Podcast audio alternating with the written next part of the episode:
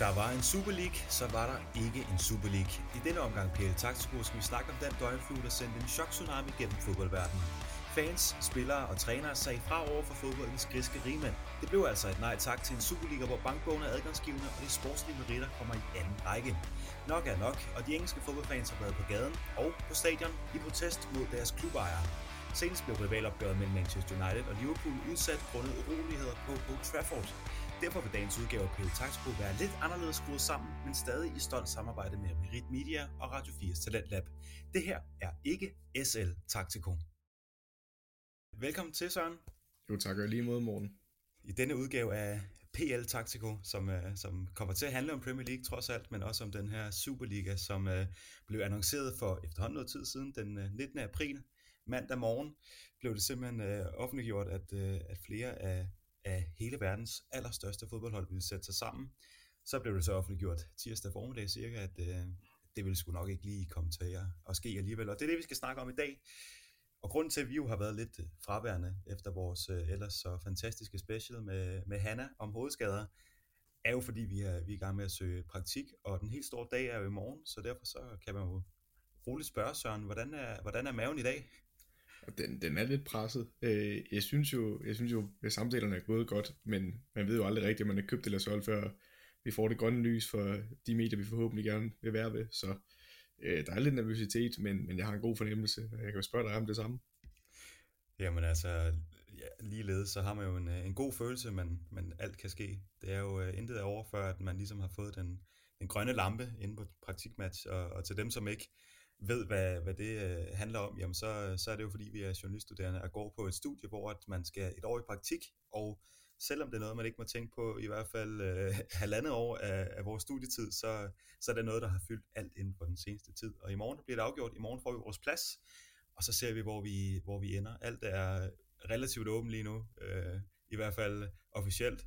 Så lad os håbe, at det, at det går godt, og at vi også i, øh, i, i det kommende afsnit er lige så glade, som vi er i dag, fordi der er jo en, en kæmpe grund til at være glad i dag, fordi den her Super League, den blev jo, som nævnt, flere gange fuldstændig øh, smadret, før den overhovedet var, var startet. Og det er meget det, det kommer til at handle om i dag. Vi skal først have en, øh, en masse nyheder, fordi der er sket en hel masse, siden vi sidst var væk. Det, øh, normalt så, hvis vi ikke har optaget i en måned, jamen, så vil det være fire runder, måske fem-seks stykker, som vi ikke lige får med. En masse fodboldkamp, der selvfølgelig er seværdige, men så meget sker der heller ikke det er der så bare den her gang, og, og det må vi så tage med. Så en masse nyheder, så skal vi snakke om den her Superliga, som jo ikke blev til noget. Så skal vi snakke om Mourinho, fordi han er simpelthen øh, gået i Tottenham, blevet fyret, gået.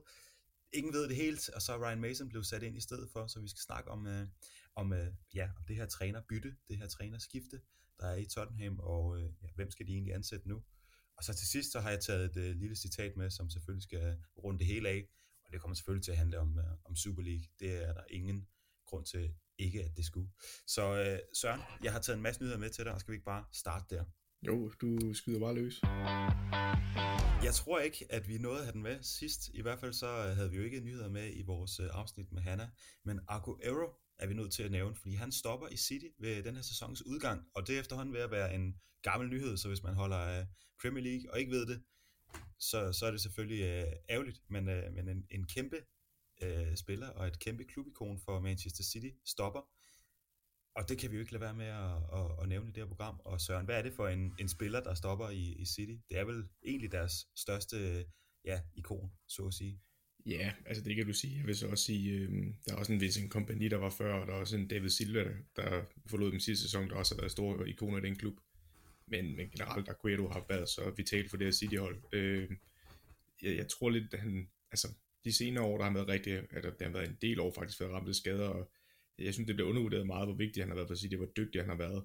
Altså, du kan se bare i seneste kamp, hvor han får lov til at spille mod Crystal Palace, at det mål, han scorer, det er jo en født angribers afslutning, hvor den lige hopper en gang, og så bare klasker til den op og overlægger, det der er så rent ramt. Og det er en af de bedste angriber, i hvert fald de seneste 10 år i Premier League.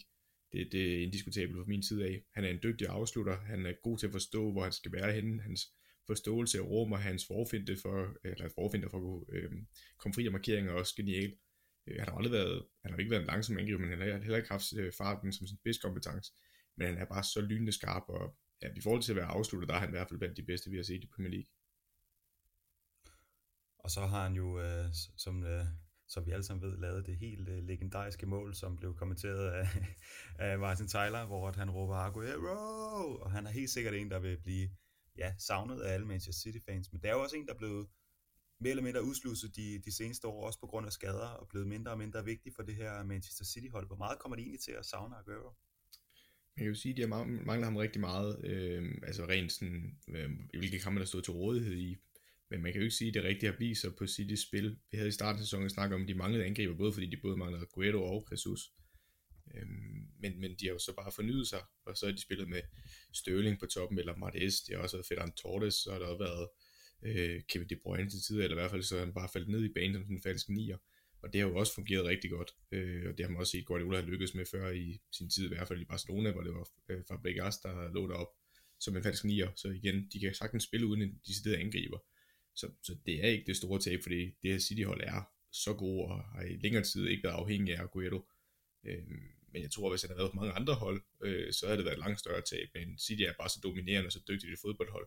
Så øh, jeg kan godt forestille mig, at de går ud og henter en angriber til sommer alligevel. Øh, det synes jeg stadigvæk bare for bredden til truppen. Øh, bare for at man også har en anden måde at spille på, end uden en falsk nier, og også for at give det konkurrence til Gabriel Jesus. Men øh, det er vildt at sige, om en spiller er Agueros klasse, men jeg tror ikke, du kommer til at kunne mærke det særlig meget på det her City-hold.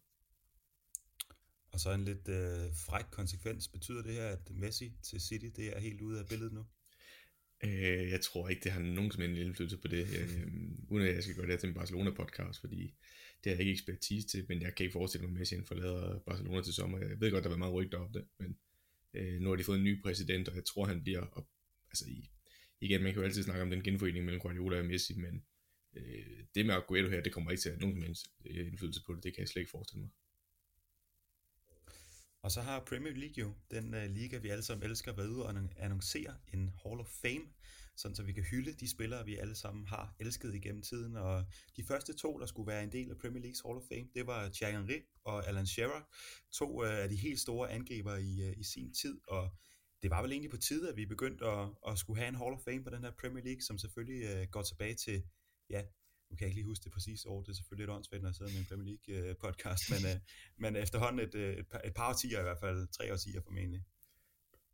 Ja, altså det var der på tide. Øhm, jeg har så altid den, og det kan være, det, fordi jeg er Liverpool-fan lidt farvet, men jeg synes jo, det er jo lidt fjollet, at man daterer Premier League tilbage til, ja, altså det er, eller den engelske liga til at blive dateret, eller dateret tilbage til Premier League start, fordi skal man så bare alt andet, der er sket før det, er det fuldstændig ligegyldigt jeg kan ikke forestille mig, at man gør det samme i, i så mange andre ligaer, men bare fordi man lavede det anderledes format, øh, og med 20 hold i stedet for 24, som det også har været, så forstår jeg ikke, hvorfor man ikke går længere tilbage. Det synes jeg, der er en masse tidligere professionelle fodboldspillere, der ikke kan komme med Hall of Fame på grund af den åndssvage øh, tidslinje. Øh, så, så det kan jeg starte med at brokke mig lidt over. Men ellers, så synes jeg at det er fint, at man laver det her tiltag, og man hylder nogle af Premier League og den engelske ligas store legender. Og Thierry Henry og Alan Shearer hører helt sikkert hjemme i den klasse. Det er, som du siger, nogle af de bedste angriber, vi nogensinde har set. Og hvem er så den øh, næste spiller, der skal være en del af det her selskab? Åh, oh, jeg vidste godt, det vil komme med det spørgsmål, og det, øh, jeg synes, det er så svært, når man starter på, altså helt fra bunden af min Hall of Fame. Øh, der er godt nok mange, man kunne nævne. Øh, du kunne bare sige Steven Gerrard. Jeg, havde ja, ikke, jeg sad med ham, men jeg sad, jeg sad ikke med ham fysisk, men jeg sad med ham i tankerne og tænkte, ja, men der er så mange, man kunne nævne. Øh, der er også en Peter Schmeichel, øh, hvis du kigger på målmænd. men vi kan gå rundt om alle klubber. Der er også en Didier Drogba i Chelsea, der er Ryan Giggs, øh, Paul Scholes i United. Øh, I Arsenal, der er også Patrick Vieira, øh, som jeg også synes hører hjemme deroppe. Måske en Dennis Bergkamp også. Øh, igen, vi kunne blive ved. Jeg, jeg er så svært ved at se, hvem det lige skulle være. Øh, det, det, den opgave må du simpelthen ikke byde mig. Men uh, Henri og Sharon, det var måske også de første to, du havde valgt, eller, eller hvordan ser du på det? Øh, ja, i hvert fald Alan Shearer tror jeg er indiskutabelt. Det er det. Altså, den mand, der har scoret flest mål i Premier Leagues historie, så selvfølgelig skulle han på som en af de første. Til Henri, jamen jeg har heller ikke noget at sætte på ham egentlig. Øh, der, han ligger bare i et felt med rigtig mange andre dygtige spillere, så jeg synes overhovedet ikke, det er forkert at tage ham på, men der var også mange andre, man kunne have taget. Og så for at se på det, der, der foregår nu, så har Norwich og Watford jo sikret sig oprykning fra Championshipen til Premier League allerede. Der er vist øh, en enkelt runde tilbage, og så er der jo noget playoff, som skal, skal spilles, og måske Brentford i år kan, kan sikre sig oprykning. Vi, øh, vi ved jo ikke noget, men øh, en dansk klub, det krydser vi altid fingre for. Men i hvert fald, Norwich og Watford er tilbage i Premier League fra næste sæson, og vi er godt af at se Norwich i, i den seneste, og Watford, de endte jo også med at ja, et eller andet sted og, og ryge lidt ud, og man var lidt, øh, lidt ked af det, fordi at, i hvert fald på min vegne, fordi at de, øh, de sikrede, at Liverpool ikke gik ubesejret i den, i den seneste sæson. Så, så to hold, der måske er et øh, glædeligt gensyn i Premier League, eller hvordan, Søren? Ja, helt sikkert. Altså, især Norwich, synes jeg jo, det er jo to lidt forskellige historier, hvis man skal dele det lidt op. Man kan sige, at Norwich øh, har et mindre budget end Watford, øh, men har bare rigtig god spillerrekruttering, og god til at, øh, at udvikle unge spillere. Øh, Øh, og så synes jeg også, at det er en historie om, at, øh, at det er det rigtige, at man holder fast i en træner, som man tror på har en rød tråd øh, med spillestil og så videre, fordi Daniel Fark fik lov til at blive i Norwich, da de rykkede ned, og han igen bare førte dem suverænt til at skulle øh, rykke op i Premier League igen, og ikke være i nærheden af playoff. Det har ligget ret sikkert i, i de sidste par måneder, de skulle, de skulle rykke op direkte, så en kæmpe ros til Norwich, også med det budget, de har. Det er fedt at se de tilbage i Premier League. Omvendt kan man sige, at Watford er en lidt anden øh, fisk, fordi det er lidt en klub, der har været kendt for at skifte rigtig mange forskellige trænere, også øh, det sidste de var i Premier League, og også i forhold til spillere. Det, det jo, øh, har været Pozzo-familien, der i hvert fald har ejet dem. Jeg mener også, det er stadigvæk dem, der ejer dem, der også ejer Udinese. Øh, så der er mange spillere, der er igennem den klub. Øh, men de har, også, øh, de har også en evne til at ramme rigtigt. De har også sådan, eller Troy Dini, der er en stor klublegende, og de har Ismail Azar, som flere store klubber har kigget på. Så det er to lidt forskellige historier, men Watford er også rykket suverænt op i år, så begge holder fortjent, og det bliver spændende at se dem tilbage i Premier League. Det gør det helt sikkert, og, øh, og en mand, som, som nogen måske har savnet, og nogen måske ikke har savnet, var også hurtigt ude og, og, og tale om det. Han var i et uh, interview efter kampen, hvor de sikrer sig oprykningen. En Watford-spiller var ude og sige, at uh, my big mouth is gonna be back in the Premier League, unfortunately. Og uh, så kan du måske godt gætte, hvem uh, der står bag det citat. Ja, men jeg så også interviewet, så uh, jeg ved godt, det er Troy Deeney, men uh, selv hvis jeg ikke har set det, så er jeg ikke i tvivl om det, at man var kommet frem til, at det var ham. Han er en karakter, og det, det er godt for medieverdenen, han er tilbage i Premier League. Det er det helt sikkert, og han er også ved at være en, en aldrende spiller, men han må ikke, at Watford holder fast i ham, trods alt. Og så øh, er der jo Champions League og Europa League semifinaler i Champions League, der øh, gik City videre i går mod PSG med samlet 4-1, og i aften der skal Chelsea altså møde Real Madrid. Den blev 1-1 i første kamp. Skal vi regne med en, øh, en ren engelsk finale? City, det var jo øh, rimelig overbevisende. Ja, men jeg synes, den anden semifinal er tættere. Altså, nu så jeg, nu så jeg den sidste kamp også, og jeg synes, Chelsea var klart det bedste hold i første halvleg. Øh, men jeg synes, Real, de, de kommer bedre med i anden halvleg. Øh, det er en utrolig jævnbyrd, og de er færdige. Det tror jeg også, det bliver i, i aften. Så jeg synes, den er for tidligt at kalde, men øhm, man kan godt give Chelsea en lille favoritfordel. Øh, ikke fordi på hjemmebane, men jeg synes bare, de var så gode i første halvleg. Så du tror på en, øh, en ren engelsk finale?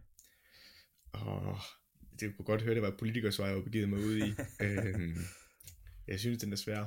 Øh, fordi jeg synes også, når man så Real mod Liverpool, det synes jeg, at de var rigtig, rigtig gode også. Øh, jeg kan godt være, at jeg siger, at Chelsea har en lille fordel, men men jeg har en lille, jeg har en lille fornemmelse af, at det her Real Madrid-hold, de er så bundrutineret, øh, og det her Chelsea er stadig forholdsvis ungt og med en forholdsvis ny træner. Jeg kunne godt se dem komme lidt i problemer, det havde de også, nu ved jeg godt, det var en anden, øh, men mod Porto i returkampen på Stamford Bridge, der var Porto faktisk det bedste hold i store dele af kampen, og den, det, altså det niveau må de ikke falde til igen, fordi så vinder Real, så hvis du egentlig skal, hvis jeg skal have en pistol til panden og pege på et hold, der vinder i aften, så tror jeg faktisk, det bliver Real Madrid. Spændende. Lad os, øh, lad os håbe på det modsatte. Det er trods alt en øh, Premier League podcast, det her. Og i Europa League, der kan det jo også ende med en, øh, en ren engelsk finale. I hvert fald så United, de har haft et meget fint udgangspunkt efter at være bagud to af de første halvleg mod Roma, så endte de altså med at vinde hele 6-2. Så må ikke vi hurtigt kan, kan sige, at de er, de er nok videre til, til den finale. Arsenal, der står det anderledes til. De er altså bagud 2-1. Fik trods alt et uh, vigtigt udbanemål nede i Villarreal, men de skal altså have, have arbejdstøjet på i aften, og sikre, eller i morgen aften, og sikre sig, at, øh, at de også kan komme videre. Men øh, tror du også på en, en ren engelsk finale her, eller ser du, ser du chancerne for Arsenal at være lidt mere sløje? De er trods alt bagud. Ja, nu, nu ser jeg ikke så meget øh, spansk fodbold for tiden, øh, men Villarreal er jo ikke, fordi de ligger højt op i La Liga.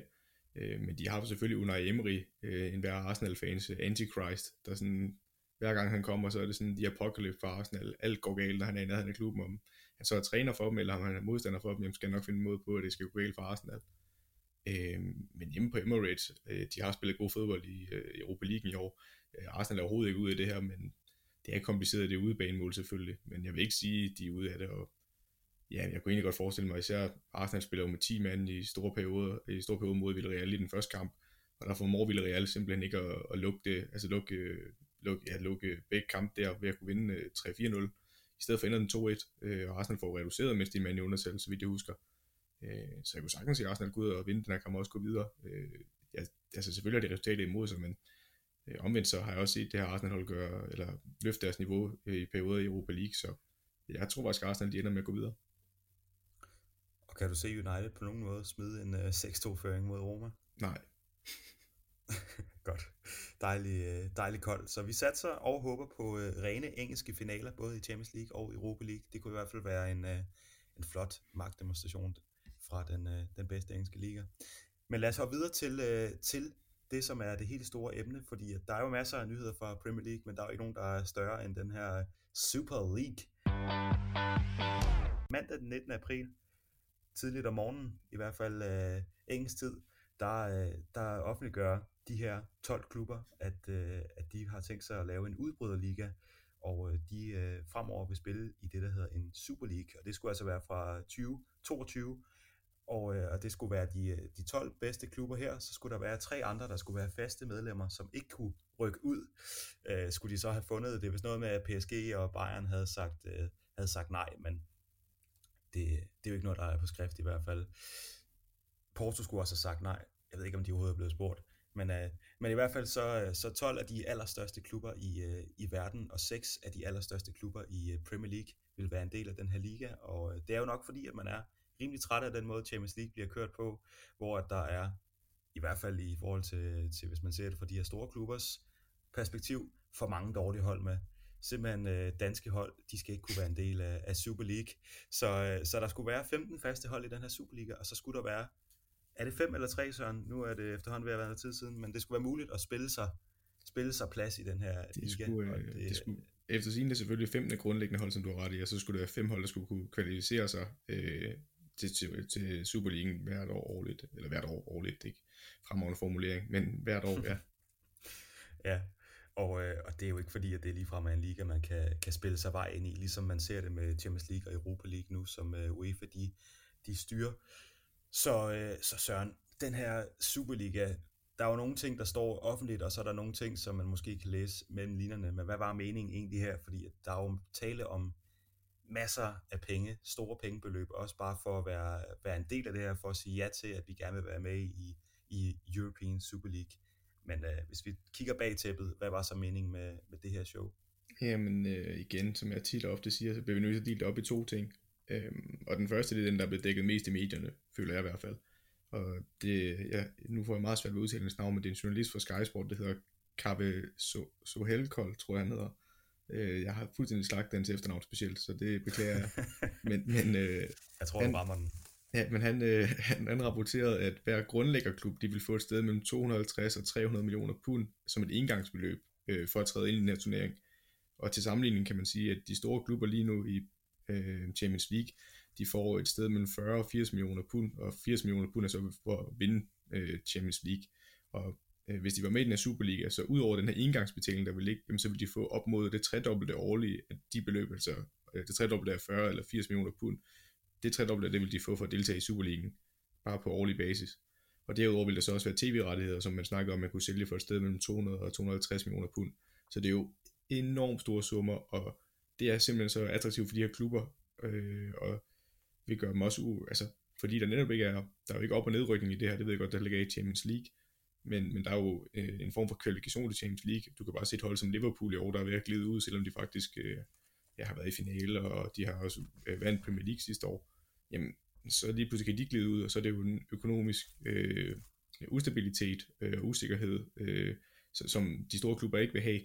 Og det er det, man kan med Superligaen. Der vil man så sige, jamen, I er sikret hver år, og jeg skal ikke tænke på kvalifikation. Øh, så det er jo det, de har søgt.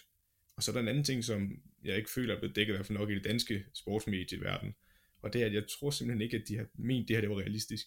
Øh, jeg ved godt, at de har gjort mange ting for, øh, at, at det skulle kunne lade sig gøre, men jeg tror ikke reelt, i hvert fald for Premier League-klubbernes synspunkt, at de har ment, at det har været realistisk, fordi man skal også man skal huske, hvornår den her timing kommer, hvornår Superligaen bliver offentliggjort.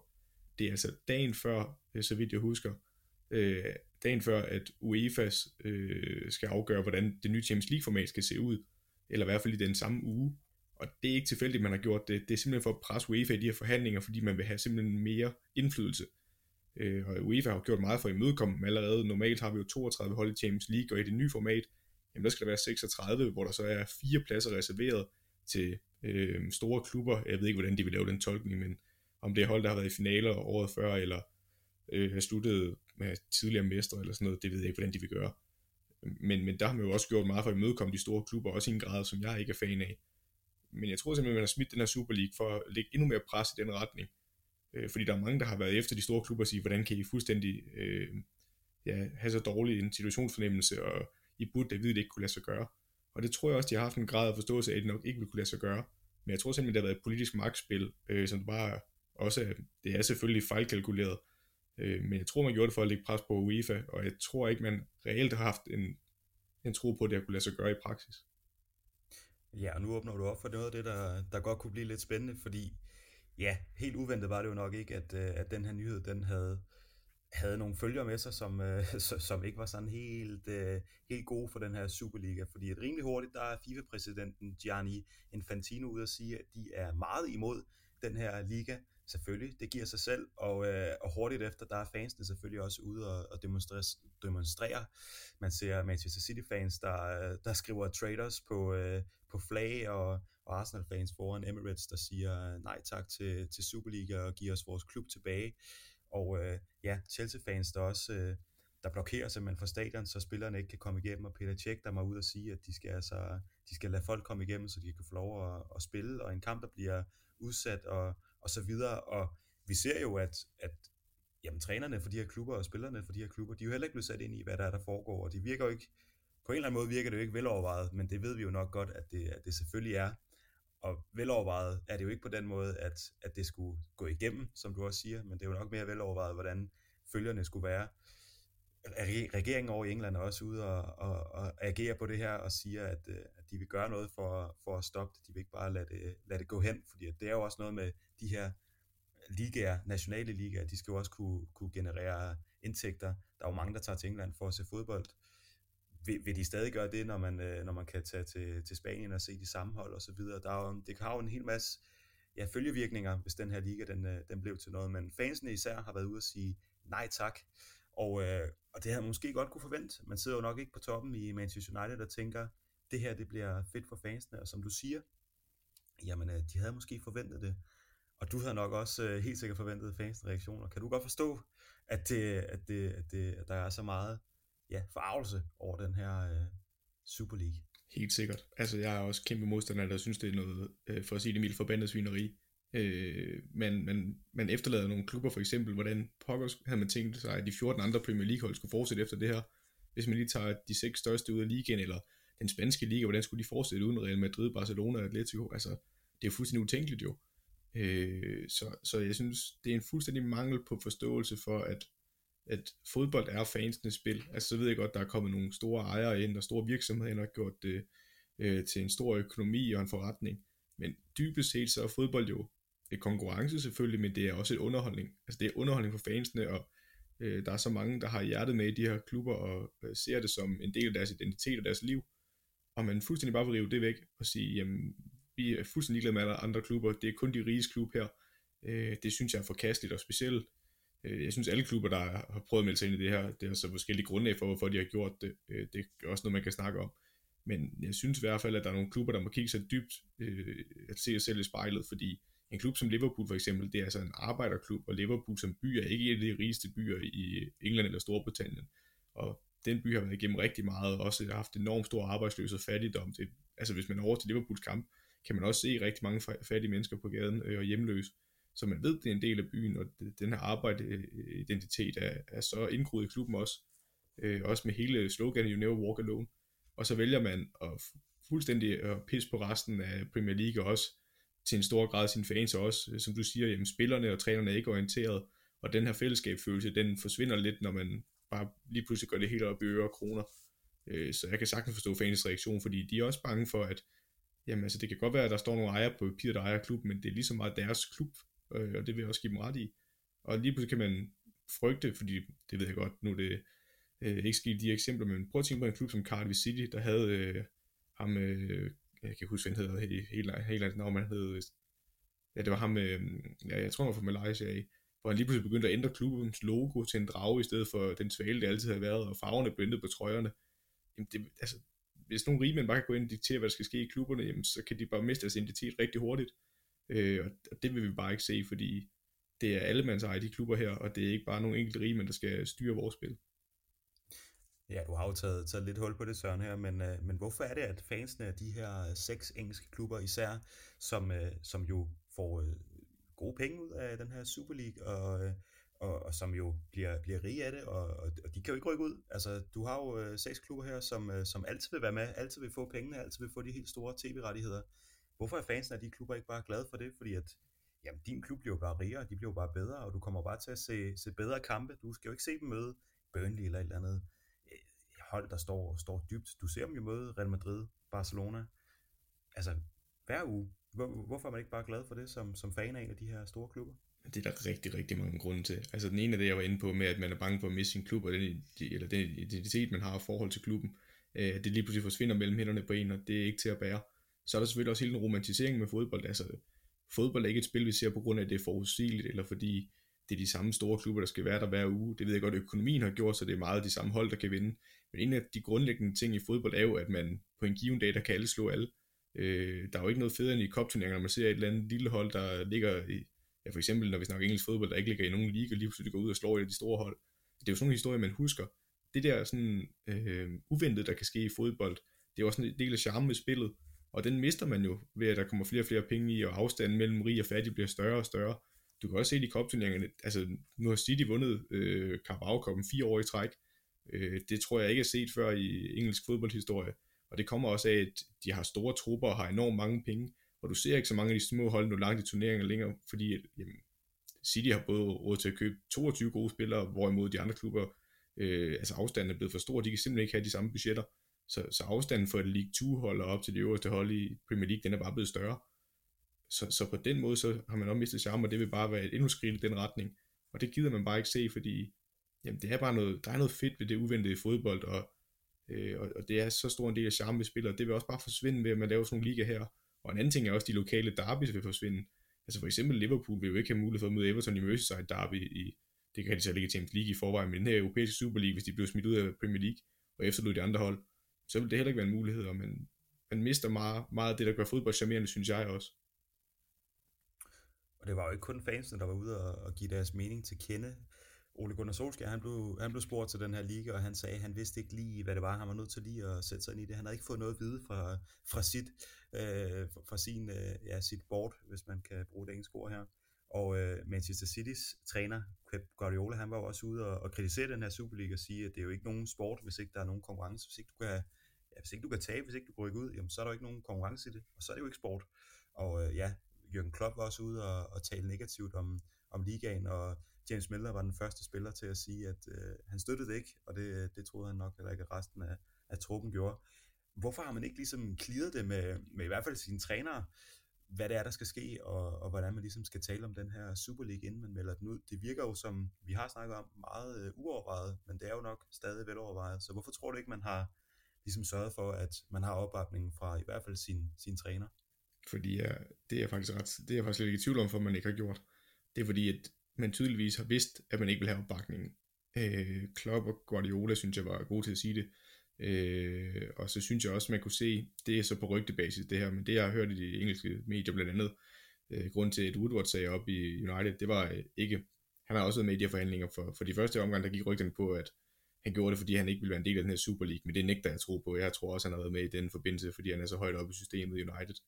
Øh, men i stedet for tror jeg mere på, at det var efter spillerne og trænerens reaktion, da Woodward og resten af øh, ledelsen i United øh, gjorde spillerne og trænerne klar over det, da det blev meldt ud til offentligheden også.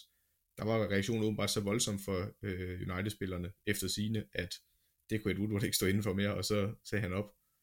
Øh, og det er netop, altså hvis den historie er rigtig, så bygger den også bare på den påstand om, eller min påstand om, at jeg tror det er fordi, de har vidst fra starten af, at der har været, vil skabe så meget virak, hvis de gik ud og sagde det, og Øh, det er vel også måske nogle trænere, der kunne finde på, finde på at gå ud og sige, så gider jeg ikke være her mere.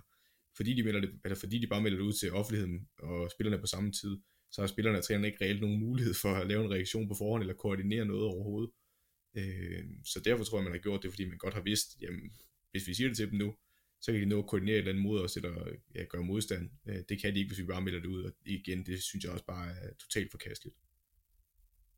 Ja, og hvad vinder de her ejere egentlig ved at bare melde ud på den måde, og ikke lige vente den først, som du siger, jamen, så kunne spillerne og, og trænerne og, og hvem der ellers er i klubben jo nå at, at gøre noget. Hvorfor er det, at man ikke vil have, at, at de når at gøre et eller andet, inden det kommer ud? Hvorfor vil man gerne bare have det ud, og så have det stoppet, som man måtte have forventet, at det jo blev, og som det også blev? Jamen det er netop fordi, man vil lægge presse på UEFA, tror jeg. I hvert fald for de engelske klubber side. Jeg tror, man har haft en reel ambition om, at man vil have en endnu større bid kage i Champions League, og gøre det endnu mere øh, lukrativt, og endnu bedre for de store klubber.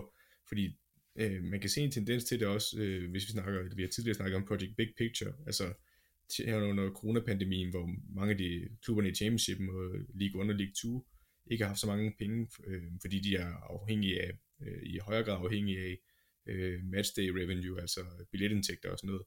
Der lavede man jo det her eller forslag om Project Big Picture, hvor de store klubber i USA, jamen, vi vil gerne låne jer nogle penge, eller give jer nogle penge, men til gengæld så skal det være sådan, at øh, de seks største klubber i Premier League har mere at sige end de andre klubber. Øh, det var det også et forsøg på at øh, vinde endnu mere magt til de større klubber og give dem særstatus. Og det er også det, man har prøvet her med den her Super League. Man har prøvet at give nogle klubber særstatus, og øh, det vil man garanteret også gerne have i Champions League i højere grad end de fire pladser, der bliver reserveret. Så jeg tror det er, fordi man hele tiden har haft en ambition om, at man vil prøve at lægge pres på UEFA, til man kunne få endnu mere magt der. Øh, og hvis man havde nogle trænere og spillere, som øh, kunne nå at koordinere sig og lave en modprotest, eller for eksempel hvis nu man antog, at trænerne på tværs af de seks klubber i Premier League sagde, det, det skal vi ikke bede om det her, jamen så var, så var der jo ikke rigtig meget pres på UEFA, og det endte så heller ikke med at være i sidste ende, men, men, men jeg tror, det har været det, der man har været bange for. Man har været bange for, at de skulle sabotere det her pres, man vil ikke på UEFA. Ja, om, om presset har virket øh, i forhold til, hvad der er blevet lagt på UEFA, det, øh, det må vi jo se, når de, øh, når de ja, skal lave den her nye øh, reformering af, af Champions League på et tidspunkt. Men i hvert fald så det pres, som fansene lagde på klubberne, det, det virkede, fordi allerede klokken 7 mandag aften, der begynder det altså at florere, at Chelsea de overvejer at, at trække sig fra, fra den her Super League, og en halv time senere, jamen der er Manchester City ud af den, og så ruller det jo bare derfra. Og klokken 11 mandag aften, altså ja, cirka hvad, 13-14 timer efter, at det blev offentliggjort, det her Super League, der har alle seks klubber altså trukket sig fra den, alle de seks klubber, der er i, i England. Og øh, hvad tænker du i det øjeblik, at du finder ud af, at den her European Super League, den øh, altså ikke bliver til noget, i hvert fald ikke med engelske klubber?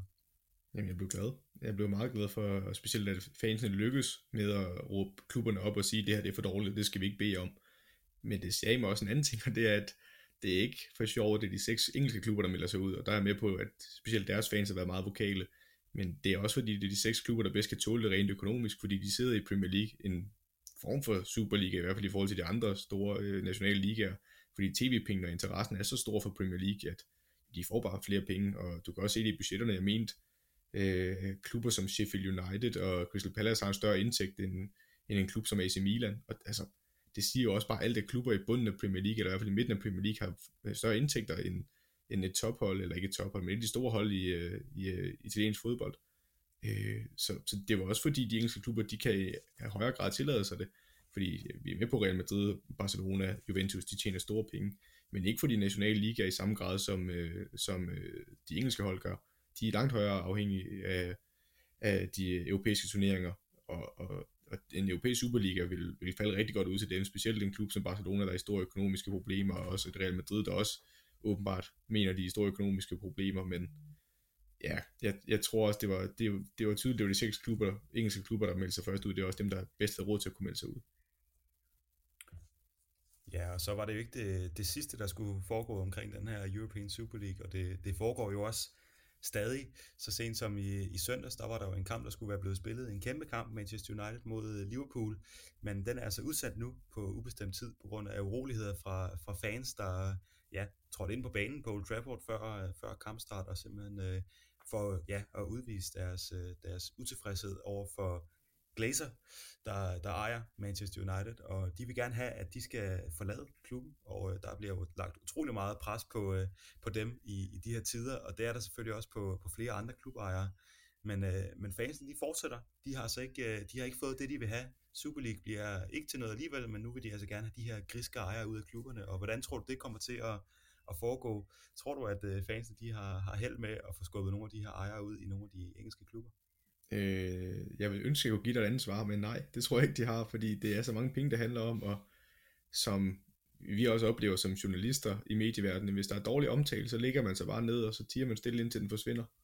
Øh, det er i hvert fald sådan, politikere tit fungerer, og det er også, jeg tror, at ejerne vil gøre i det her tilfælde, de har været ude med nogle lidt statement om, klubberne ikke er til salg. Men jeg tror ikke, du kommer til at høre mere om det ellers, øh, fordi jamen, de er stadigvæk øh, interesserede i at være i de store Premier League-klubber, der er så mange penge i det, og medmindre de får et eller andet fuldstændig absurd tilbud for en anden rigmand, jamen så tror jeg ikke, det ændrer sig. Og så kan fans stå og råbe og skrige så meget, de har lyst til. Du kan bare se Newcastle, hvor længe de ikke har stået, deres fans der råbte og skrædder af Mike Ashley. Og det, det, har ikke ændret noget som helst, og både United og Arsenal fans har været utilfredse med de her ejere i lang tid.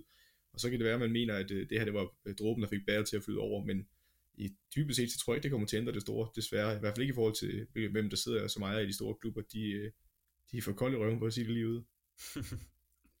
og nu siger du jo et, et, et absurd tilbud fra, fra en anden rigmand, og det er jo faktisk, hvad der øh, måske snart kommer, kommer på bordet, fordi Daniel Ek, den øh, svenske ejer af Spotify, han er jo åbenbart øh, livslang Arsenal-fan og, øh, og ønsker altså at købe klubben, og han har fået opbakning fra flere af, af klubbens legender. Tror du, at, at der er en, en lille chance for, at, øh, at Arsenal kan komme på, på svenske hænder, hvis øh, Daniel Ek virkelig mener det her og kommer med et øh, enormt bud? Jamen igen, jeg tror bare, at det bud skal være så absurd højt. Altså jeg tror, vi snakker sådan 200% over, hvad Arsenal egentlig er værd som klub.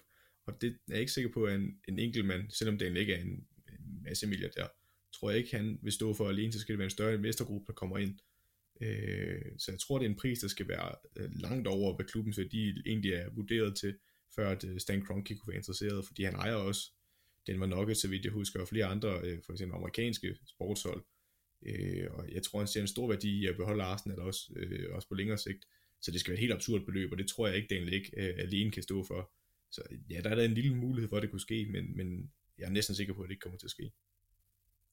Så hvordan ser, ser fremtiden for, for engelsk fodbold egentlig ud? Fordi at, jamen, som du selv siger, også med Newcastle, der er jo masser af fans, der er meget utilfredse med deres ejere, men fodbolden er også bare blevet en, en enorm pengemaskine, og øh, penge er så vigtigt nu om dagen. Går det bare tilbage til, til det, det var før, og vi er tilfredse med, at der sidder nogen på, på, øh, på posterne i klubberne, som har en masse penge, og som måske egentlig ikke er, er så meget interesseret i, at det skal gå sindssygt godt for klubben, men mere, at det skal gå godt for den forretning, som klubberne mere eller mindre er blevet i de senere år. Det vender vi bare tilbage til, som det var før, og det er rigmændene, der ejer klubberne, og det er fint nok, og så, øh, så spiller vi bare fodbold. Eller hvordan tror du, at det, det her det kommer til at have, af konsekvenser på, på sigt? Det her, det, ja, altså jeg tror, det her det har været et kæmpe advarselsskud til alle fans, og til alle, øh, ja, der er interesseret i fodbold det har været kæmpe advarselsskud for, for os alle sammen, og vi, vi bliver nødt til at være på tæerne, fordi deres ambitioner, de her ejere, de ikke ændrer sig. At det er jeg sikker på. De har fået et, øh, et rap over alderne her, men om et par år igen, så, så lurer mig, om de ikke prøver noget lignende, eller prøver noget i anden retning. De vil hele tiden prøve, hvordan de kan profitmaksimere og, og få mest muligt ud af deres penge. Og det vil ikke ændre sig, det her, øh, fordi jo, de får dårlig omtale, men igen, hvis de bare ligger så fladt ned i en periode, jamen, så prøver de nok igen. Altså, det, det, det er jeg ikke i tvivl om. Så det, det er vigtigt at for, som fans, at man, man bliver ved med at holde øje med de her ting og råber op og går fælles front mod det her, hvis det skal lykkes, og at man netop ikke skal altså, trække en streg i sandet og sige, her til jeg ikke længere, øh, fordi det er den eneste mulighed, vi har for at lykkes, fordi den anden historie, der også er med, hvis vi vender tilbage til Newcastle med deres ejer Mike Ashley, hvor man har lavet stadionboykot og sådan noget, og det virker jo også, fordi øh, at gå efter deres øh, rampen på pengepunkten, det er jo, det er jo noget, sådan nogle forretningsmænd, de kan forstå. Men problemet er, at hvis der så er, øh, hvis vi siger, at der er 20.000 fans, der boykotter Newcastle, men stadig stadion næsten bliver fyldt op, altså så, så hjælper det jo bare ikke, og der er så mange, der vil se de her klubber spille, og så mange, der er interesseret, så kæmpe efterspørgsel for billetter, så hvis der bare er en stor fangruppe, der vælger at, at, at, at boykotte det, jamen, hvis der stadigvæk bliver fyldt stadion af andre mennesker, jamen, så kan de jo være bedøvende ligeglade ejerne. Øh, så, så det skal være noget, der skal koordineres meget, og det er super svært, når vi taler om så mange mennesker. Men det bliver man simpelthen nødt til. Altså det skal være i skala som det her, vi har set nu. Jeg, jeg bifælder ikke, man øh, bryder ind på stadion og sådan noget, og der har også været nogle vanvittige scener. Men det der med for eksempel at blokere øh, adgang til stadion og demonstrere på den måde, det er så store tilhænger af. Øh, og det, det er noget, man bliver nødt til at fortsætte med, hvis der kommer nogle lignende tiltag. Altså man bliver nødt til at ramme på pingpong, hvor det går ondt. Og så skal det være hele stadions boykot, hvor der næsten ikke dukker nogen mennesker op. Øh, og kæmpe demonstrationer, for det er det eneste, der lykkes. Og nu siger du det her med at ramme øh, rampen på pengepunkten. Hvis vi skal kigge på det, så den her European Super League, den er vel formentlig ikke lavet til at gøre de lokale fans glade. Det er jo nok ikke de engelske fans, der skal have, have godt af, at det hele tiden er de store opgør. Tror du ikke, man kigger lidt mere mod, mod øst? Florentino Pérez, der er præsident nede i Real Madrid, han har jo sagt det her med, øh, at, at, at, det bare ændrer sig, og, og folk gider ikke se de her, de her kampe, de kedelige af dem. De vil have de store kampe, ellers så kan man ikke lokke øh, tilskuer til. Man kan ikke få folk til at tænde for, for tv'et en, øh, en, en lørdag formiddag, hvis man skal møde, ja, det gør Real Madrid aldrig, men hvis, hvis Chelsea skal møde Burnley for eksempel, øh, er det ikke fordi, man kigger mod, øh, mod Asien, og man kigger mod, øh, mod dem, som ikke sidder på stadion, men sidder derhjemme og, og tænder for, for skærmen, når man gerne vil se de helt store opgør? Er det egentlig ikke lige meget med de her stadion boycotts, hvis vi kigger sådan på det? Med, Nej, med fordi det, det, for, det, jeg vil ikke sige, det er ligegyldigt, men jeg kan godt forstå din pointe, og jeg kan godt forstå, hvor Tito Peters er på vej hen med det her. Jeg er så dybt uenig. Øh, altså, jeg forstår godt, at man prøver at please nogle øh, mennesker, vores øh, altså attention span er blevet meget kortere. Du kan se det på den amerikanske NBA, hvor de har gjort rigtig meget for at lave highlight pakker og noget i den dur, fordi folk ikke gider se, at der er mange, der ikke gider se en hel basketballkamp. Og Florentino Pérez var også ud at foreslå, at man skulle kort en fodboldkamp. Det var jo fuldstændig åndssvagt. Øhm, jo, jo, du kan godt snakke om, at man vil have fat i et nyt marked. Men omvendt så har vi også set her under coronapandemien, at fodbold er stadig et fedt spil, og jeg nyder stadigvæk at se fodboldkamp uden fans men det er noget helt specielt, når der er fans på stadion, man kan mærke stemningen, og tv-produktet bliver også dårligere af, at der ikke er fans på stadion. Øh, så det vil ramme dem hårdt, også på pengepunkten. Og det vil også gøre det til et mindre seværdigt produkt, de leverer ud, så det er ikke ligegyldigt, at der ikke er fans på stadion. Det, det synes jeg også, coronapandemien har vist. Men er det ikke bare også fodboldromantikere, der mener, at der skal være fans på stadion? Tror du ikke, at det er en eller anden øh, ja, Lionel Messi-fan, en eller anden øh, fan af, af Manchester United, der sidder over i øh, Bangkok. Han måske er ligeglad, om der er øh, 50.000 mennesker på stadion, så længe han kan få lov at se sine øh, fodboldhelte. Jo, det kan du også ret i, men jeg vil så også sige, at øh, det kan godt være, at der er mange penge, øh, tv-indtægter i, øh, i det her, men jeg vil så også sige, at hvis der ikke er fans på stadion, det er stadigvæk en stor øh, del, en stor, men det er mange penge, vi taler om i revenue, de mister. Øh, og for så oven i købet, jeg vil, det kan godt være, at vi snakker om det er fodboldromantikere, der gerne vil have øh, fans på stadion.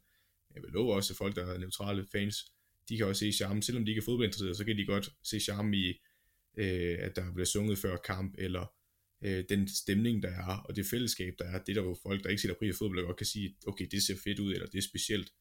Øh, så hvis man mister fansene, øh, og de boykotter det, det tror jeg vil ramme dem så hårdt, både på pengepunkten, men også rent kommercielt, fordi det kan også betyde, at sponsorer tænker, okay, det får så meget dårlig omtale det her, øh, så det kan godt være, at de spiller kampe, det kan godt være, at vi har mange øh, seere, men, men der er så dårlig om, øh, omtale om det, så det kan også få sponsorer måske til at trække sig. Øh, så det kan hurtigt skabe ringe i vandet, det her, øh, hvis der står boykot og noget i den dur. Så, øh, så, så det, det tror jeg ikke er ligegyldigt. Jeg tror stadigvæk, det er vejen frem. Og nu, øh, nu snakker vi utrolig meget om det her European Super League i de her tider, og det er jo også noget, der, der er ja, lige nu, det foregår stadig, alle protesterne er der stadig, men når vi kigger tilbage om måske 10 år, 20 år, hvordan vil vi så egentlig huske det her? Fordi det var jo bare, ja, for det engelske klubbers vedkommende, ikke engang et døgn, hvor det var, det var noget, som man skulle forholde sig til, i hvert fald sådan rent seriøst med, at der skulle være engelske klubber med i den her liga. Hvordan vil vi se tilbage på det? Vil vi tænke, det var noget, der ændrede fodbolden, eller vil vi bare øh, på et eller andet tidspunkt øh, grine lidt af det og sige, ja, det, det gik sgu ikke. De prøvede, men den gik ikke. Jeg synes, den bedste sådan, sammenligning, man kan lave det til, det er lidt den kolde krig, øh, hvor, man, hvor man havde USA og Sovjetunionen, der kæmpede mod hinanden. Øh, ikke åben krig, men sådan med spioner og sådan noget. Fordi det er nok de færreste mennesker, hvis man virkelig, medmindre man går virkelig meget op i fodbold, eller lytter til vores podcast, at man for eksempel hører om ting som Project Big Picture, altså det der, hvor øh, Premier League-klubberne prøvede at få særstatus ved at låne nogle penge til de mindre klubber og få mere magt den vej. Det er jo ikke noget, man hører om ellers. Men det her, det var så meget ude i det åbne, at selv folk, der ikke er interesseret i fodbold, har hørt om det, og også kan øh, forholde sig til det, og synes, det er forkasteligt langt de fleste. Så jeg tror, det er første gang, at den her så kolde krig, vi har hørt, der kører imellem klubberne og mellem de store øh, organisationer som UEFA og FIFA, det er første gang, den kommer ud i åben luge på den måde, og den er så åben. Så på den måde tror jeg, det er et skilsættende moment i, man siger, at det er første gang, at, at det kommer ud i offentligheden så tydeligt øh, og ud til den brede befolkning. Så på den måde tror jeg, man kan kigge tilbage på det, og så tror jeg, det bliver en vedværende kamp, øh, at, øh, altså hvor det før har været skjult, men nu er det en vedvarende kamp, hvor der også, det kan komme ud i offentligheden, og det vil også komme ud i offentligheden i fremtiden, det er jeg slet ikke i tvivl om. Så på den måde synes jeg, at det er et skilsættende øjeblik, og det tror jeg helt klart, vi vil huske. Og skal vi bare lukke øh, den her European Super League ned med at, at kalde det verdenshistoriens største mediestunt? Ja, det måske lige spids nok. Øh, der har nok været nogle realiteter i det også med de folk, eller de øh, de penge, der er blevet smidt i det, men jeg synes klart, at man godt kan sige lidt, at det var en skinmanøvre for Premier League-holdens side i hvert fald. Så lad os gøre det. Og så lad os gå videre til, til næste punkt på, på dagsordenen. Det har jo ikke noget med European Super League at gøre, måske noget med European Super League at gøre. Der var i hvert fald rygter om, at Jose Mourinho han var, han var rimelig utilfreds over det her, og ikke ville lade sine spillere træne, og det simpelthen medført, at, øh, at Tottenham fyrede ham som cheftræner i klubben. Men øh, om det er sandt, det ved vi ikke. I hvert fald så er Mourinho han er færdig i Tottenham, og Ryan Mason han har taget over. For, øh, for det første skal vi så ikke lige snakke om, om Mourinho, fordi vi har jo været både øh, op og ned med, med god gamle Jose, fordi ja, rent fodboldmæssigt, der er vi måske ikke lige øh, så meget på, øh, på hans hold, men øh, rent underholdningsmæssigt, der er det jo nok en, en træner, vi kommer til at savne lidt i Premier League. Men sådan helt øh, på bunden, Søren, for bunden af hjertet, hvordan, øh, hvordan kommer du til at savne Mourinho? Øh, nu skal jeg passe på, for han er en, en af de trænere, der har vundet øh, klart flere store heder, og han er en dygtig træner. Det, det kan man ikke. Men sådan, når jeg skal være lidt fræk, så siger det, kommer jeg ikke til at savne ham. Øh, ja, han har nogle sjove kommentarer på pressemøder og sådan noget, og han kan også være utrolig charmerende, når han er i det rigtige humør. Øh, det så man også i den dokumentar, der var om Tottenham. Han er jo ikke bare altså, den her arrogante træner, som man godt kan virke lidt ud af til. Det er jo lidt et act, tror jeg også, han tager på sig. Øh, men generelt kommer jeg ikke til at savne ham. Jeg har aldrig været fan af den måde, han øh, går til fodboldspillet på, og det er måske meget som fodboldromantiker også, men jeg sagde fra starten af, at jeg synes, det var en vanvittig beslutning. Ikke nok at føre Positino, men at ansætte Mourinho. Øh, det, det synes jeg var så kortsigtet, og øh, skyde sig selv i foden som Tottenham, og det synes jeg egentlig bare, øh, det her bliver bekræftet af. Og så er det jo en, øh, en mand, som vi har haft et, øh, et par omgange i Premier League, hvor at han først har været i Chelsea og gjort dem til mestre af, af to omgange, og så har han øh, været i United, hvor det mest blev til en, øh, en Europa League succes. Og så har han jo været her i Tottenham, hvor det ja, ikke er blevet til noget. Og man har måske hævet der med, fordi man tænkte, nu skal vi have det her trofæ, vi skal vinde et eller andet, og det, det lykkes jo ikke. Han blev fyret på et lidt, øh, ja, pusseløjeligt tidspunkt, men, øh, men sådan rent ja, resultatmæssigt, så er det måske ikke lige den periode, vi kommer til at huske Mourinho bedst for, i hvert fald i forhold til hans, øh, hans Premier League-tid. Men alligevel, Mourinho i, i Tottenham, hvordan vil du bedst beskrive det forløb? Jamen for det første skal vi kigge på de motiver, han blev ansat med. Altså man ansætter Mourinho, fordi han, som man altid ansætter Mourinho for, proven winner, kan give kan resultater på den korte bane, øh, skal bruge to-tre år på at bygge et mesterskabshold op, øh, holde op, eller i hvert fald holde øh, jagter titler. Øh, ja, i hvert fald i anden sæson plejer han at være stærk, og så måske 3. 4. sæson begynder det at gå ned ad bakke, og så øh, bliver omklædningsrummet træt af ham, og resultaterne kommer ikke mere, og ja, så bliver han som regel fyret. Det er som regel den cyklus, vi ser, og det er jo bare på kortere tid, vi har set det her, uden den succes, han har haft måske i andre klubber. Det er en utrolig kortsigtet løsning, man ansætter ham, fordi Mourinho er ikke en træner, der kommer ind med en rød tråd til at skulle spille offensiv fodbold, som øh, jeg mener, man er lidt forpligtet, eller ikke forpligtet til, men det er det, der skaber mest holdbar succes, hvis du skal være et tophold, fordi du møder primært hold, der ikke vil have bolden, fordi det er essensen af at være tophold. Der er flere hold, der gerne skulle ligge under dig. Så, så, så de vil tit og ofte give dig initiativet, og det har Mourinho bare ikke været dygtig nok til at videreudvikle, heller ikke i Tottenham. Så synes jeg også, det er en historie om, at da Mourinho går ind til jobbet, får han at vide, at der er ikke de store transfersummer øh, til at hente spillere for, og det anerkender han. Øh, men selvfølgelig, når vi så kender Mourinho, så går der et par måneder, og så begynder han at brokse over, at øh, han ikke kan få de spillere, han gerne vil have. Øh, og generelt synes jeg bare, at historien om Mourinho har været, at det er et hold, der ikke, Tottenham har ikke udviklet sig, specielt under Mourinho. Det synes jeg også, man kan se på pointantallet. Øhm, jeg har været inde på transfermarkedet og kigget på hans pointgennemsnit i de forskellige klubber, og hvis vi tager Porto-tiden, den var 2,31, Chelsea-tiden 2,23, øh, det er så gennemsnit per kamp, det er kun i ligaen, så er det Inter, der var 2,12, Real Madrid 2,30, 1,96 i Chelsea og 1,97 i United. Når man så kigger på det Tottenham, øh, hvor han havde 86 kampe, der havde han et pointgennemsnit på 1,77, og det er jo øh, markant lavere end de andre år, han har været i nogle andre klubber. Øh, og så hvis man specielt kigger på det over sæsoner, så i den første sæson i Tottenham, der har han et pointgennemsnit på 1,73, og i anden sæson, den vi er i nu, der har han et pointgennemsnit på 1,56. Og, og det er bare ikke godt nok, hvis du går op og kæmpe mere om at være fast med i Champions League, som var målet med at få Mourinho ind. Altså man, man fyrer jo Pochettino, fordi man er bange for, at man misser Champions League det år, og man håber, at Mourinho kan gå ind og redde skibet og give ham en kæmpe kontrakt. Men, men det lykkes ikke, og så, så det gamble, man lavede, eller som Daniel Levy lavede, det, det forfejler bare. Øh, fordi han ikke får, eller formår at få den Champions League kvalifikation, og det gør han formentlig, det gør Tottenham formentlig heller ikke i år. Øh, så på den måde, der er det et kuldsejlet projekt. Men var det egentlig så dårligt med, med Mourinho ved roret? Fordi ja, det gik jo heller ikke øh, så godt under Pochettino. Der begyndte det jo også at, og kuldsejle lidt, som du siger, og, og resultaterne var der ikke, og spillet var der egentlig heller ikke. Men Mourinho har jo i hvert fald, ja, hvis, jeg ved ikke, om man skal kunne sige det så voldsomt, men i hvert fald revolutioneret Harry Kane og hans spil. Han er jo blevet den her tier, der også skal, skal spilfordele mere, end han skal lave mål i hvert fald. Laver stadig masser af mål. Og, og, og det har vi jo også rost i det her program. Har det egentlig været så dårligt med Mourinho, som, øh, som det jo lidt udlægges med den her fyring? Altså, alt har jo ikke været dårligt med Molino, det skal vi også, det har du helt ret i. At de får, formår også at komme i Carabao-finalen, og jeg synes også, det var et vanvittigt tidspunkt at fyre ham på. Fordi meget kan man sige om Mourinho, men han har været god til at spille mod de større hold. Øh, specielt har de haft nogle gode resultater mod City, hvor de står lavt og kører på kontraangreb. Det er han jo stadigvæk en dygtig træner til, og en af de bedste i verden til. Så på den måde forstår jeg ikke timingen for fyringen, så kunne man have fyret ham tidligere, eller efter den finale. Øh, eller meget tidligere i sæsonen, hvis det egentlig var det, man ville. Men jeg synes, det har været så dårligt, fordi man skal heller ikke underkende det her Tottenham-hold, som Pochettino havde. Det kan godt være, at han havde en rigtig dårlig periode, de lå jo ikke langt over nedrykningsstregen, men som vi også set med Liverpool i år, det er jo ikke fordi Jürgen Klopp er blevet en dårlig træner over en, en sæson. Øh, altså, Tottenham havde en dårlig periode under Pochettino, men man skal også huske, at Pochettino tog det hold til. Altså, det var et hold, der ikke var med i Champions League hvert år fast, da Pochettino kom fra Southampton. Og lige pludselig er det et hold, der var med i Champions League hvert år, og var ikke langt fra mesterskabet det år, hvor, jeg mener det år, hvor Leicester vinder, der er Tottenham heller ikke langt fra. Øh, og de havde en anden sæson, hvor det også var tæt, hvor de har en øh, kamp på Stamford Bridge, der koger helt over. Øh, de har haft, haft flere sæsoner, hvor de har ligget med op i Champions League, og han, Pochettino sammen også til en Champions League-final. Øh, helt, øh, helt øh, det er ikke set tidligere i Tottenhams historie. Så på den måde, der synes jeg også, man havde burde, burde give Pochettino mere kredit. Og så synes jeg jo ikke, Mourinho, jamen hvad har han rykket holdet til? Det er et hold, der kvalificerer sig til Europa League hvert år nu. Øh, så, så på den måde synes jeg ikke, de har rykket sig. Øh, så jeg synes ikke, man kan retfærdiggøre, at han har spillet så meget efter resultater og, og fokuserer så lidt på at være offensiv. Og man så ikke, når man så ikke skaber resultater, jamen så er det klart, så får man en fyresæde. Det er klart, men jeg stiller også det her spørgsmål, fordi at, øh, at jeg har lidt en, lidt en agenda med det, fordi du er også inde omkring det, den her finale, øh, Carabao Cup-finalen mod City.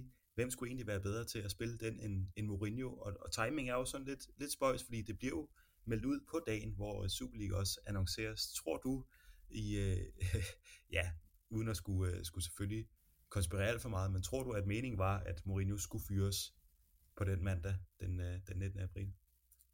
Åh, oh, den er svær. Altså, jeg synes, rent timingsmæssigt giver det ikke mening at fyre ham på det tidspunkt. Jo, i forhold til, at man måske håber, at man kan redde kvalifikationen til Champions League, øh, så er det måske derfor, man har gjort det. Det ved jeg så ikke, om Ryan Mason er bedre klædt på til, for det virker som om, den trænerkandidat, de vil have ind af en, der skal være langsigtet, og de tager så god tid om at finde ham.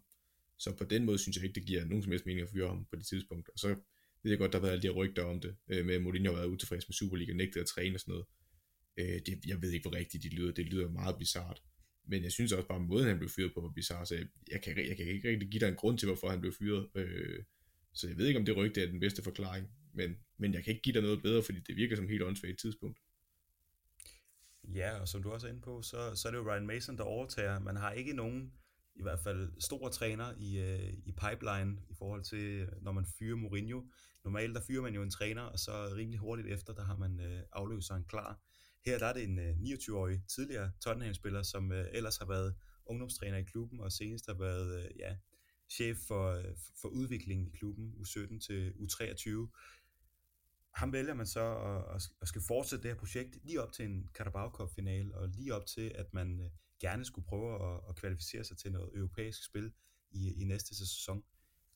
Det virker jo lidt, øh, lidt spøjst det her, og, og tror du, at man, man sidder i Tottenham og tænker, Mourinho skal ud, fordi vi har altså den her øh, rigtig dygtige 29-årige træner, der er, der er chef for vores ungdomsafdeling, og han skal tage over nu, fordi han kan altså vinde over City i, i den her finale, og, øh, og han kan også sikre, at vi får noget europæisk spil i næste sæson. Øh, nej, jeg tror ikke, det jeg tror også ikke, det er den. Og nu kan jeg faktisk tanke om, det er noget, jeg har tænkt over faktisk løbende. Øhm, og den blev så punkteret lidt, men jeg vil stadigvæk sige, den, den vil jeg måske ligge mere i. Det var jo, at Julian Nagelsmann, han øh, var jo ret højt op på Tottenhams liste. Han er så det er så blevet offentliggjort nu, tror jeg, at han er, skal være Bayern-træner i den kommende sæson. Men jeg tror, at det der måske kunne have været det, der fik Tottenham til at starte domino-effekten, det var, at Hansi Flick, han øh, sagde op i, eller ikke sagde op, men sagde, at han ikke ville fortsætte i Bayern i den næste sæson, og han nok skal være tysk landstræner efter slutrunden, øh, efter EM-slutrunden. Fordi det skaber en dominoeffekt i, at Tottenham nok har følt, Nagelsmann ham er vi interesseret i, og det lå nok ikke i kortene, i hvert fald for en om, for omverdenen af, at Hansi Flick han skulle sige op i Bayern, når det gik så godt for Bayern. øh, stadig vinder øh, Bundesligaen suveræn hvert år, og jeg også gør det godt i Champions League. Nu ved jeg godt, det har været øh, lidt skuffende i år, men sidste år gjorde det jo fremragende og vandt det hele.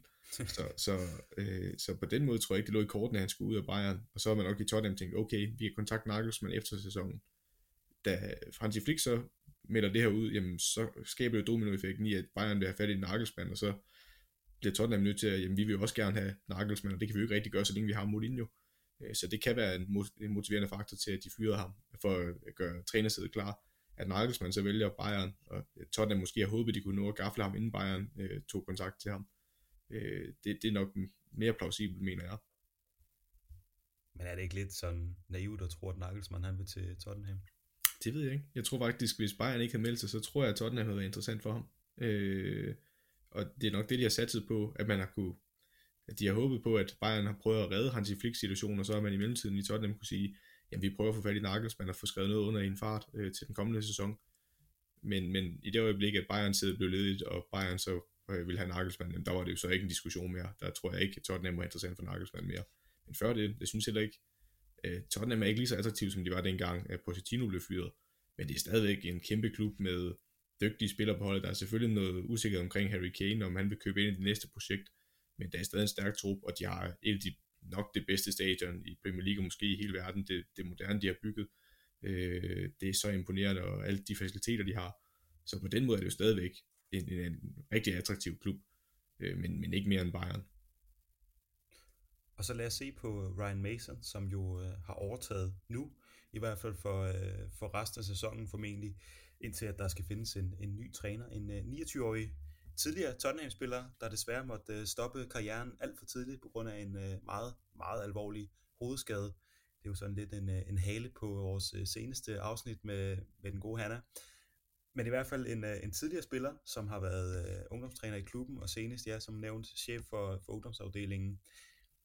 Ryan Mason, man kender ham ikke, fordi han er, eller jo, man kender ham som spiller, men man kender ham ikke som træner, fordi det er jo hans, hans første cheftrænerjob, men, øh, men hvad du har set indtil videre, og hvad du måske tror om ham som, som tidligere spiller, er, er der måske en, en, en chance for, at Tottenham fortsætter med Ryan Mason også efter sommer? Jeg tror, den er meget lille. Øhm, igen, han har ikke den store trænererfaring, og jeg ved ikke, hvor meget vi kan trække på ham som spiller. Øh, jeg tror ikke, det gør en stor forskel i forhold til, hvordan han er som træner lige nu. Øh, og igen, jamen, hvad, vil hvad forlanger du at, at se fra ham nu? Mod City stiller han sig ned, de har et skud på mål i hele kampen. Øh, jeg tror ikke, han har selvfølgelig set noget fra Mourinho, men, men han er jo ikke, han har overhovedet ikke den samme klasse på det område, det kan man ikke forvente sig unge en træner. Øh, med al den erfaring Mourinho har, den erfaring han har med lykkes med at stå i et blokforsvar, jamen det kan du slet ikke forvente af Ryan Mason. Øh, det, det, det er jo også uretfærdigt. Øh, så vinder de så her og giver bøllebank til Sheffield United her i weekenden. Øh, det ved jeg ikke, hvor meget vi skal ligge i. Øh, jeg, jeg tror, det bliver meget svært for ham at gøre en indsats for at få, for at få jobbet permanent. Du kan også se det på, også inde på Skybet hvis du også på, at Ryan Mason bliver øh, øh, permanent træner efter den sæson, jamen så får du også 17 igen. Altså, så, så det er måske også bare et tydeligt bevis på, at det bliver formentlig ikke ham. Øh, uden jeg kender ham så meget som træner, fordi det har man simpelthen ikke haft mulighed for, når, man ikke har, når han ikke har været træner for nogen øh, seniorhold. Og hvordan tror du, han har reageret på at skulle få den her stilling efter Mourinho? Fordi som du siger, han er ung, han er lige 20 år gammel, den yngste træner i, i Premier League nogensinde. Og, øh, og så er han jo uprøvet, han har ikke haft nogen øh, trænerchance før, ikke på, øh, på professionelt niveau i hvert fald. Og så er han jo også et eller andet sted en, øh, et navn, hvor man tænker, jamen Tottenham, hvad, hvad laver I? Det, det, det virker uambitiøst det her. Så, så hvad tror du, at han har, har tænkt, da han så bliver, bliver spurgt, om han vil være den, der, der tager sæsonen ud med Tottenham? Jamen det er lidt, altså, det er tidligt i sin karriere, specielt når man ikke har med at træne lige pludselig skulle stå for at være manager for så stor en klub. Øh, så på den måde er der jo et pres, og det vil han helt sikkert også have følt, men omvendt er det jo lidt en gratis omgang. Altså jeg tror ikke, der er nogen, der dømmer ham på, hvad der kommer til at ske i de her kampe. Han er kun 29 år, som du siger, altså, og han har ikke nogen trænererfaring, så hvad kan du forlange af ham? Øh, jeg, jeg tror ikke, det kommer til at gøre det store for hans karriere fremadrettet. Det eneste det er, at han kan overraske positivt ved at skabe bedre resultater, og hvis resultaterne går imod ham, så kan man også vende sig om og sige, at han bliver sat lidt i en umulig situation med at skulle hoppe ind så sent i sæsonen, og uden øh, en stor trænererfaring, jamen, hvad, har du så forlange, hvad kan du forlange af ham? Øh, så jeg tror, jeg synes, det er lidt en gratis omgang for ham, det er i hvert fald sådan, jeg synes, han skal tage det. Og så er du inde på de her odds 17 gange pengene igen for, at uh, Ryan Mason han fortsætter. Vi skal nok tale om en, en ny træner til Tottenham. Så hvem ligger egentlig bedst i, i oddsfeltet, og hvem ser du som den bedste løsning for Tottenham?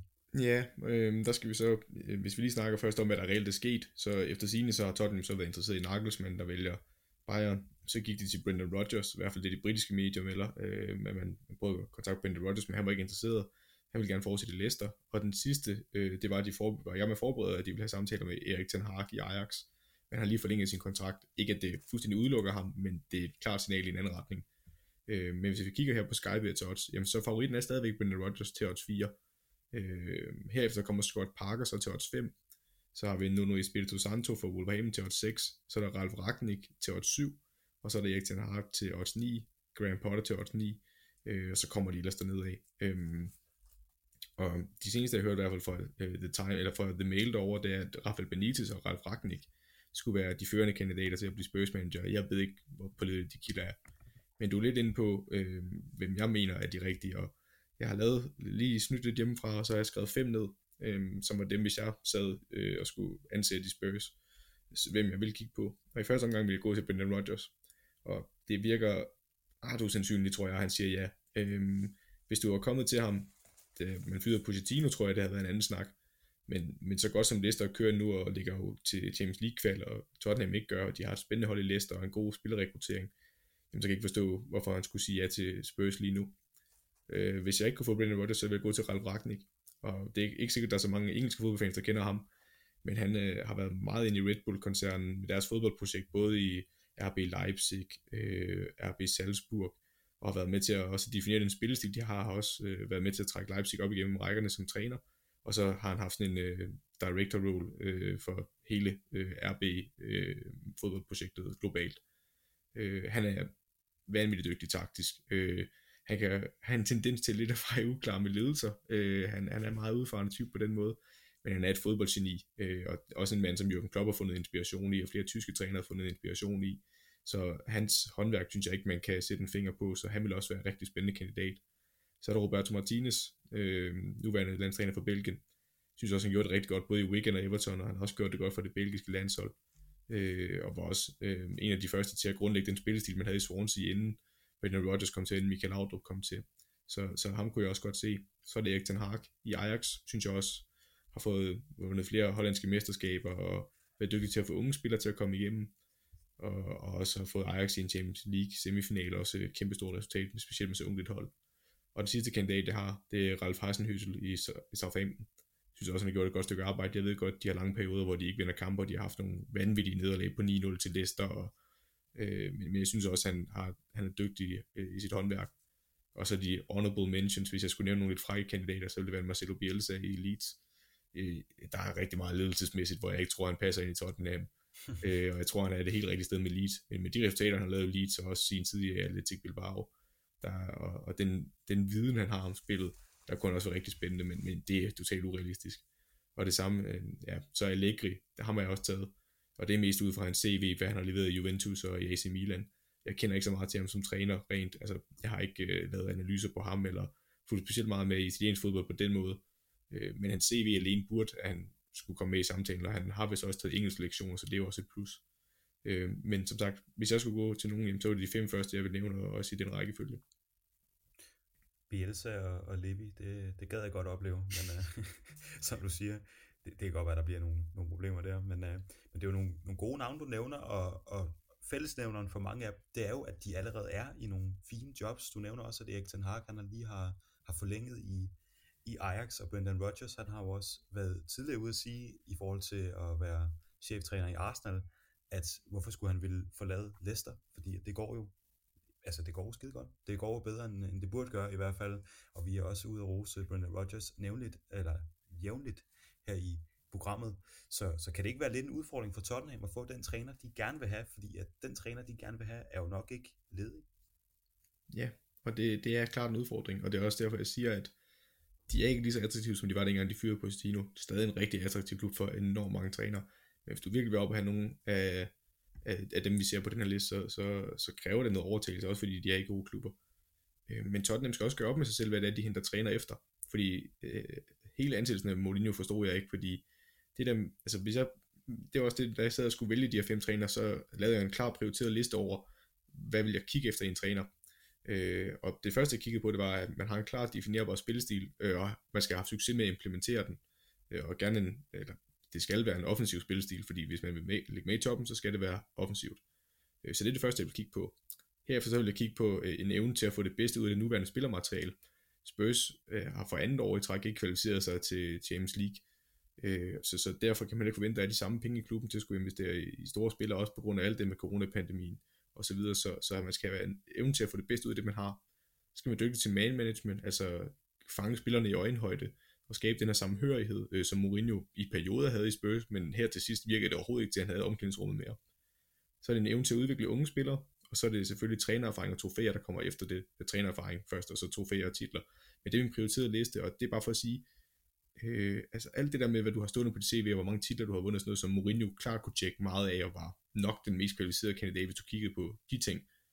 Men det er ikke det, jeg føler, at en klub skal kigge på. Du skal kigge på det allerførste, jamen, hvordan, hvordan passer den ind i det, den vision, vi har for holdet, den måde, vi spiller på, hvordan passer den ind til det spillermateriale, vi har, den DNA, der er i klubben. Øh, det, det, synes jeg er meget vigtigere. Og det er derfor, en mand som Benny Rodgers sprang ud, også en, der, hvor jeg så vil komme der i møde med, at du siger, at de er rigtig mange af dem er i jobs. Det er alle på den her liste, undtagen Ralf Ragnik, som der ligger nummer to på min liste.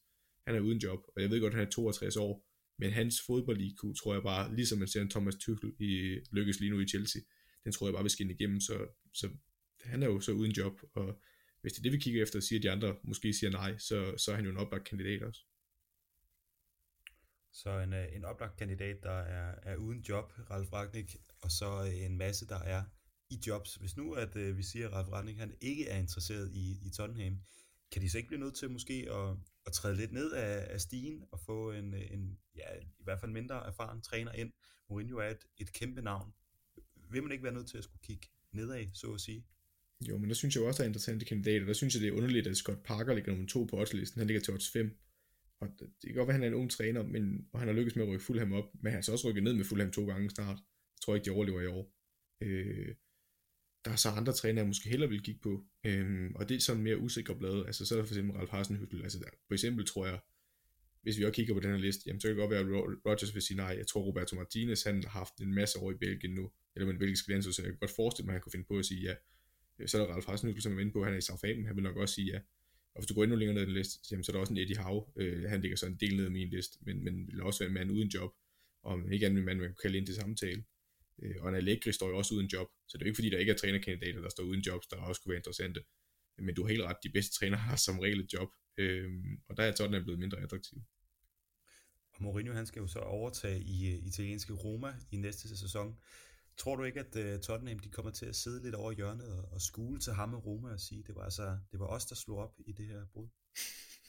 det ved jeg faktisk ikke. Øh, jeg ved ikke, om de bærer af på den måde. Jeg, jeg tror, Tottenham de skal være bedøvende ligeglade med, hvad Mourinho foretager, så de skal bare fokusere alle kræfter på, og, øh, selv hvis Mourinho får succes dernede, så skal det også være fløjten ligegyldigt. Man skal bruge alle kræfter på at, at få en helt rigtig trænerprofil ind nu.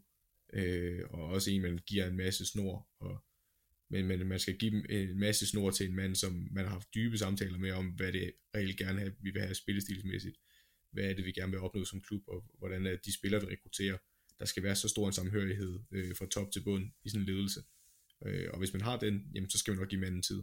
Og det, det, det, de må, det er det, de må vægte, om, om, om, øh, om det er det, de vil fokusere på. For jeg føler, det er den eneste rigtige vej, men, men det er ikke sådan, det har, det har virket for Tottenham i deres trænersøgning indtil videre.